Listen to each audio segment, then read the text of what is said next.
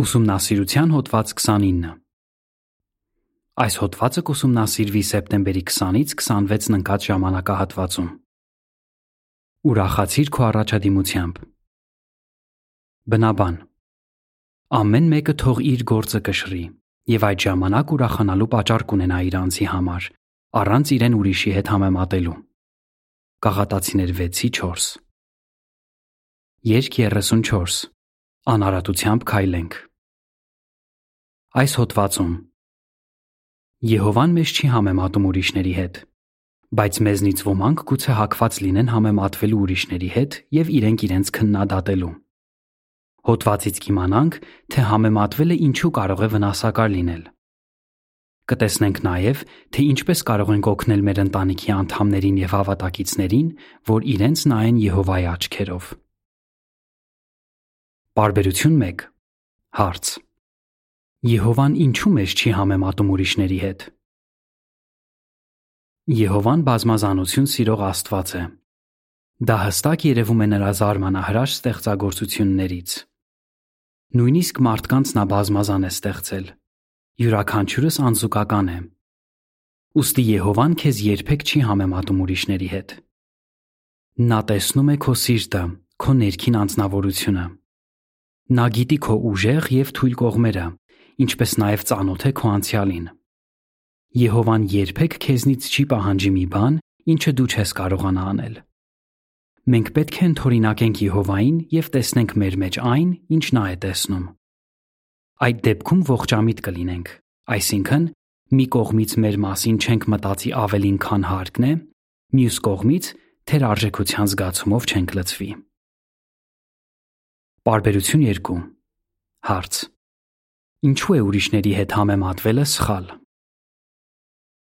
Ինչ խոսք, մենք օգուտներ կքաղենք, ընդօրինակելով մեր այն հավատակիցներին, ովքեր հմուտ են ծառայության մեջ։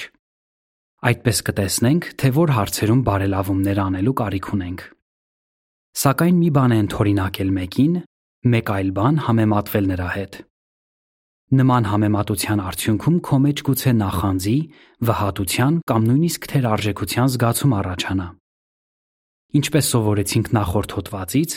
ժողովում ուրիշների հետ մրցակցելը կարող է վնասել մեզ նաև հոգևոր առումով։ Ոստի Եհովան հետևյալ սիրառատ խորհուրդն է տալիս. Ամեն մեկը թող իր գործը կշռի, եւ այդ ժամանակ ուրախանալու պատճառ կունենա իր անձի համար, առանց իրեն ուրիշի հետ համեմատելու։ Գաղատացիներ 6:4 Բարբերություն 3 Հարց Հոգևոր ինչ նպատակների ես հասել, որոնք քեզ ուրախություն են պատճառել։ Եհովան ցանկանում է, որ ուրախանաս քո առաջադիմությամբ։ Օրինակ, երբ մկրտվեցիր, մեծ ուրախություն ապրեցիր, որ վերջապես հասել ես քո նպատակին։ Այդ որոշումը դու ինքնուրույն էիր կայացրել։ Այն հիմնված էր Եհովայի հանդեպ ունեցած քո սիրո վրա։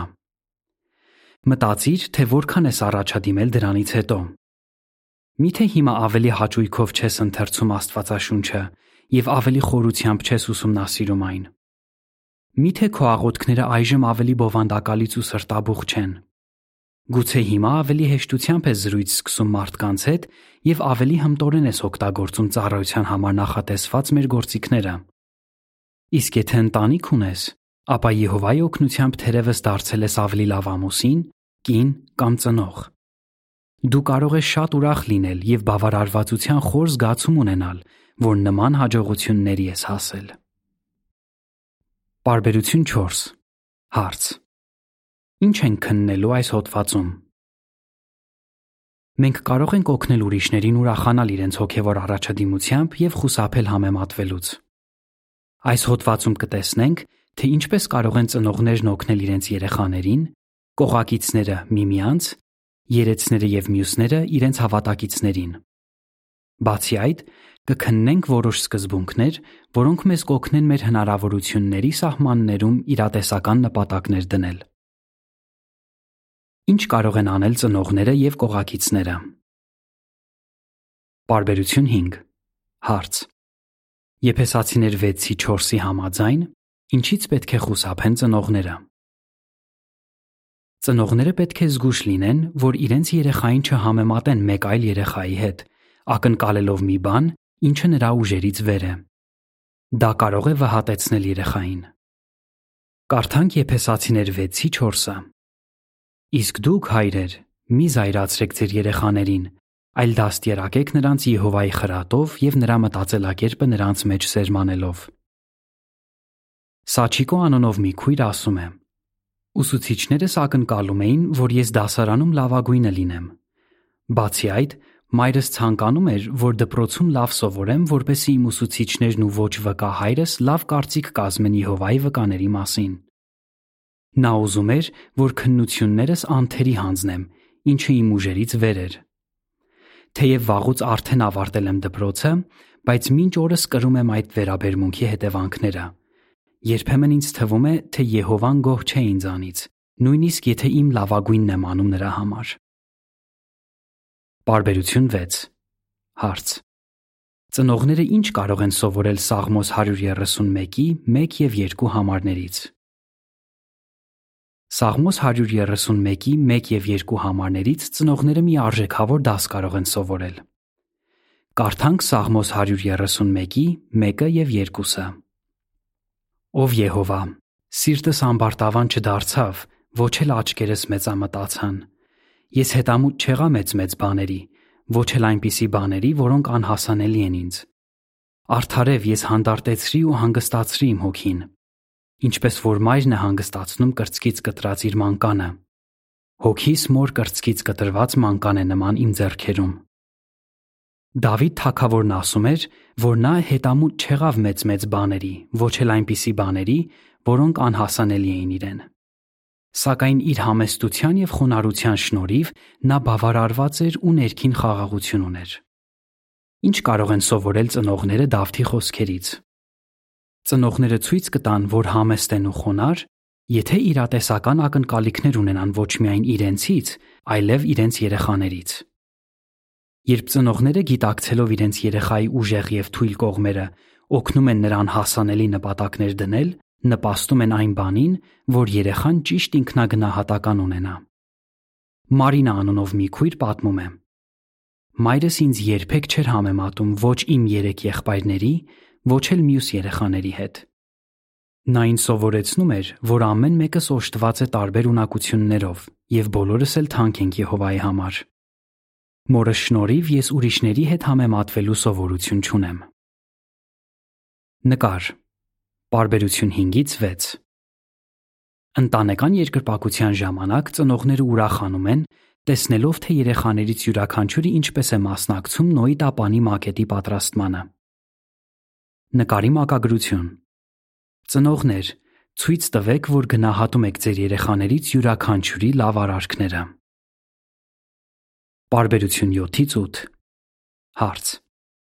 Ամուսինը ինչպես կարող է պատվել իր կնոջը։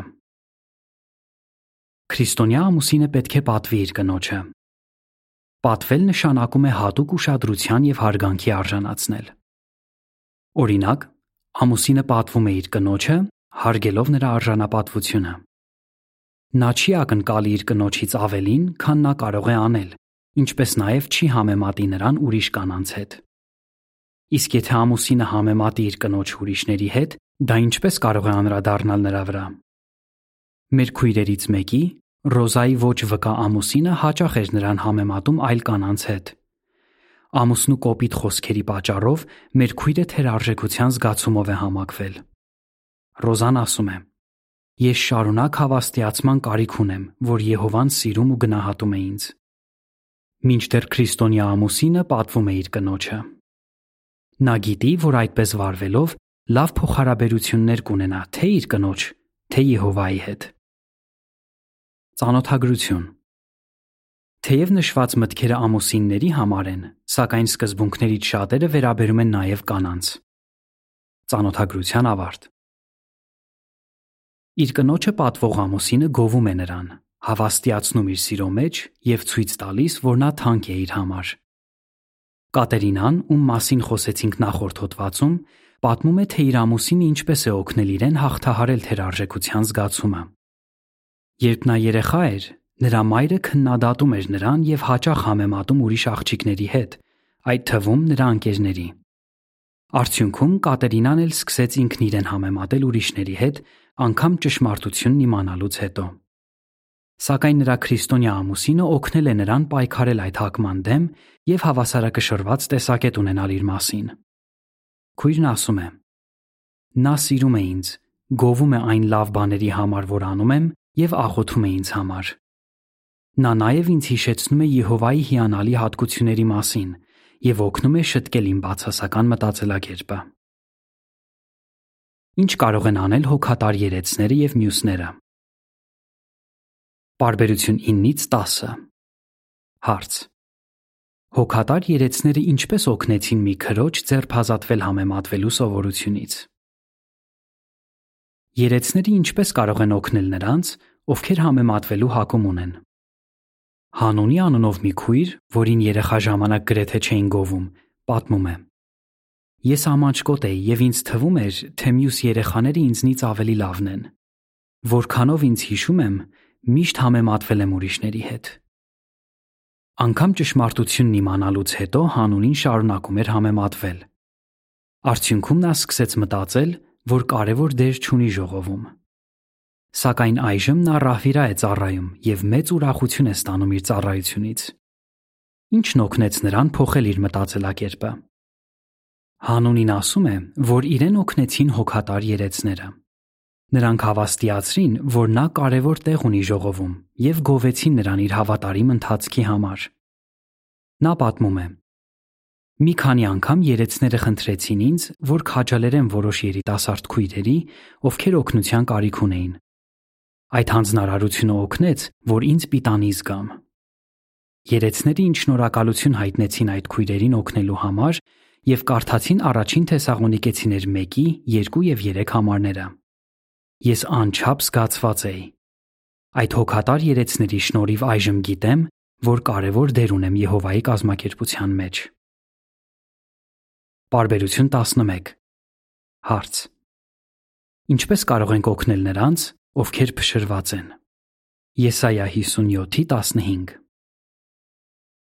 Կարդանք Եսայա 57:15-ը։ Այսպես է ասում բարձրն ու վեհը, որն ապրում է հավիտյան եւ որի անունը Սուրբ է։ Ես բարձունքում ու սուրբ վայրում եմ բնակվում, նաև փշրվածների ու ոգով խոնարհների հետ, որպեսի կենթանացնեմ խոնարհների ոգին ու կոտրվածների սիրտը։ Եհովան հոգ է տանում նրանց մասին, ովքեր փշրված են։ Ոչ միայն երեցները, այլև բոլորս կարող ենք քաջալերել մեր այս սիրելի հավատակիցներին։ Դա անելու կերպերից մեկը նրանցով անկեղծորեն հետաքրքրվելն է։ Եհովան ուզում է, որ իր թանկ գառներին հավաստիացնենք իր սիրո մեջ։ Մենք նաև կօգնենք մեր հավատակիցներին, եթե խոնար ու համեստ լինենք եւ մարդկանց ուշադրությունը չհրավիրենք մեզ վրա, ինչը կարող է նախանձի առիթ տալ։ Փոխարենը մեր ընտունակություններն ու գիտելիքները կօգտագործենք, որպեսի քաջալերենք միմյանց։ Բարբերություն 12 Հարց. Ինչու էին հասարակ մարդիկ ձգվում դեպի Հիսուսը։ Քննելով Հիսուսի օրինակը, մենք շատ բան կսովորենք այն մասին, թե ինչպես պետք է վերաբերվենք ուրիշներին։ Նա երբևէ ապրած մեծագույն մարդներ, բայց հեզեր ու սրտով խոնար։ Մատթեոս 11:28-ից 30 Նա իր մտային կարողություններով ու գիտելիքներով գերազանցում էր բոլոր մարդկանց, սակայն երբեք չէր པարծենում դրանով։ Ուսուցանելիս Հիսուսը པարզ ու հասկանալի ձևով էր խոսում եւ այնպիսի օրինակներ էր օգտագործում, որոնք հասնում էին հասարակ մարդկանց սրտին։ Ի տարբերություն գոռոզ կրոնական առաջնորդների, Հիսուսը երբեք այնպես չէր անում, որ մարդիկ մտածեին, թե Աստծո համար իրենք ոչ մի արժեք չունեն։ Ընթակառակը, նա հարգում էր հասարակ մարդկանց արժանապատվությունը։ Ամսագրի շապիկի նկար Բարբերություն 12 Նկարի մակագրություն Հիսուսի աշակերտները ձգվում էին դեպի նա, քանի որ նա երբեք իրեն բարձր չէր դասում նրանցից։ Հիսուսը սիրում էր ժամանակ անցկացնել իր ընկերների հետ։ Բարբերություն 13 Հարց. Ինչպես էր Հիսուսը սեր ու բարություն ցուցաբերում իր աշակերտների հանդեպ։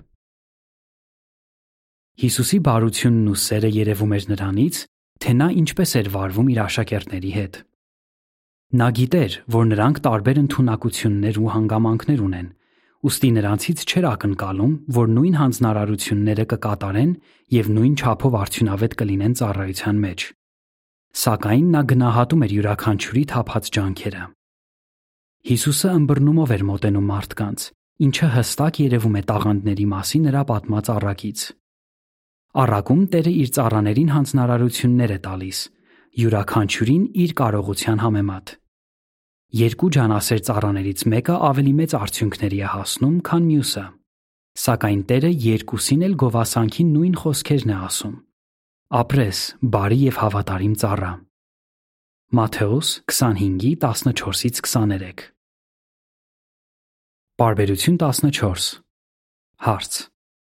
Հիսուսին ընթորինակելով ինչպես պետք է վարվենք ուրիշների հետ Հիսուսը բարությամբ ու սիրով է վերաբերվում նաև մեզ։ Նա գիտի, որ մեր ընտունակություններն ու հանգամանքները տարբեր են եւ ուրախանում է, երբ տեսնում է, որ մեր լավագույնն ենք անում։ Մենք պետք է ընթորինակենք Հիսուսին այս հարցում։ Երբեք չենք ցանկանա, որ մեր պատճառով հավատակիցը իրեն անարժեք զգա կամ ամաչի, որ չի կարողանում անել այնքան, որքան ուրիշները։ Ոստի եկեք առիթներ փնտրենք գովելու հավատակիցներին այն բանի համար, որ իրենց լավագույնն են անում Եհովային ծառայելու հարցում։ Իրատեսական նպատակներ Բարբերություն 15-ից 16 Հարց. Ինչպես է մի քույր օգուտներ քաղել իրատեսական նպատակներ դնելով։ Հոգևոր նպատակները մեր կյանքը լցնում են իմաստով։ Սակայն կարևոր է, որ նպատակներ դնելիս հաշվի առնենք մեր կարողություններն ու հանգամանքները, ոչ թե այն, թե ուրիշներն ինչ նպատակներ են դնում։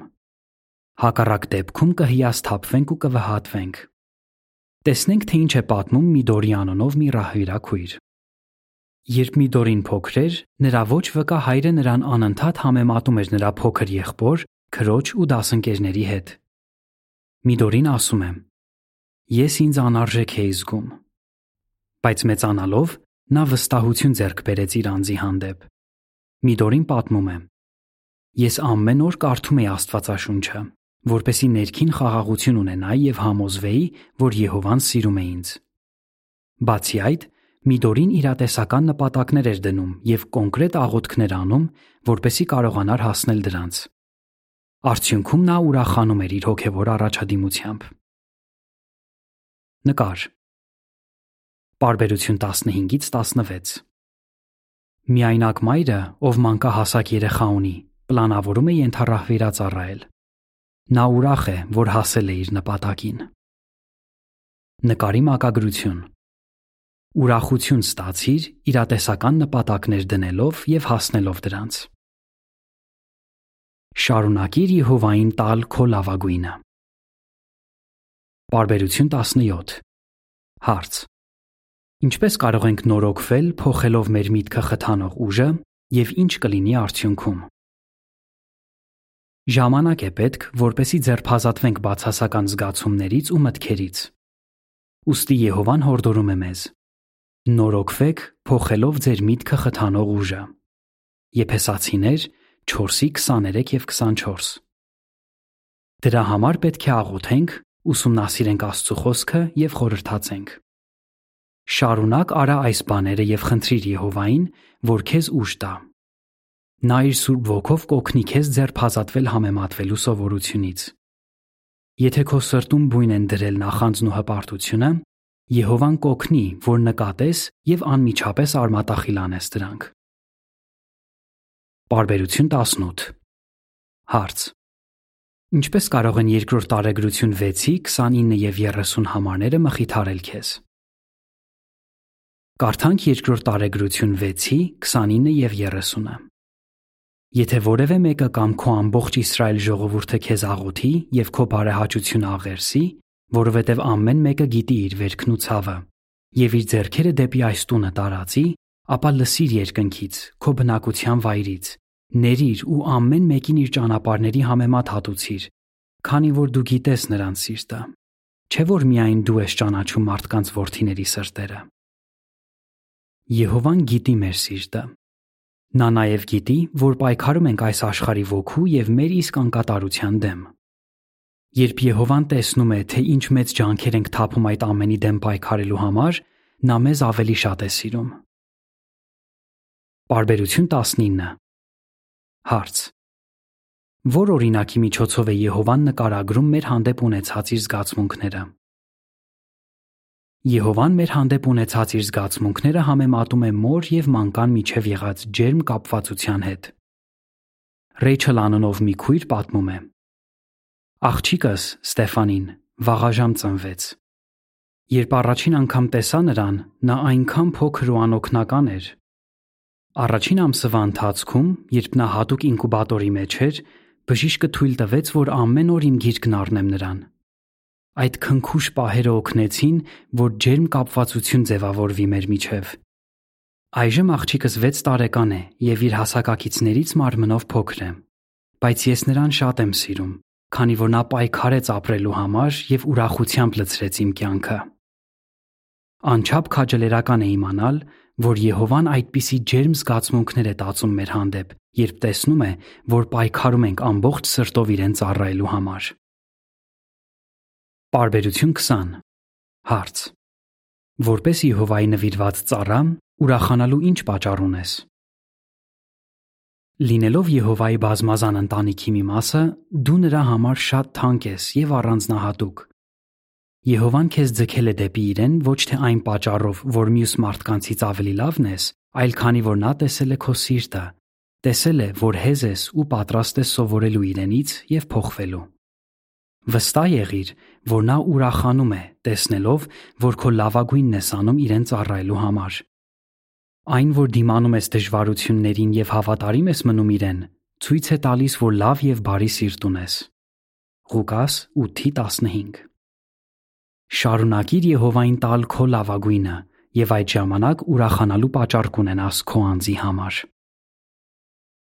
Կրկնության հարցեր։ Ինչ կպատասխանես։ Ծնողներն ինչպես կարող են օգնել երեխաներին, որ նրանք ուրախանան իրենց հոգևոր առաջադիմությամբ։ Երեցները ինչպես կարող են օգնել իրենց հոգացության տակ եղողներին, որ սիրված ու գնահատված զգան։